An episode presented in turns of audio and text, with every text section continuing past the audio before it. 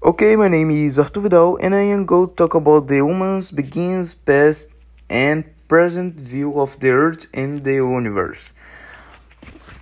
In the past, people didn't have the resource to approve astronomical arguments. So people believed that they saw, believed the Earth was flat, and that it was the center of the galaxy. Nowadays, it has a weather being approved that the Earth is round, a even by the shadow of the Earth on the Moon, and that is a fact. The Sun is the center of the galaxy.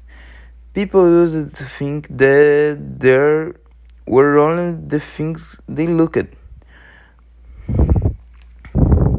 At the universe was just the stars, just the sun, just the planets of our galaxy. Currently, we know that the universe is so big, so big, that it can be considered infinite. The Beyond is constantly expanded. So this is a little about the universe. Until the next time. Goodbye.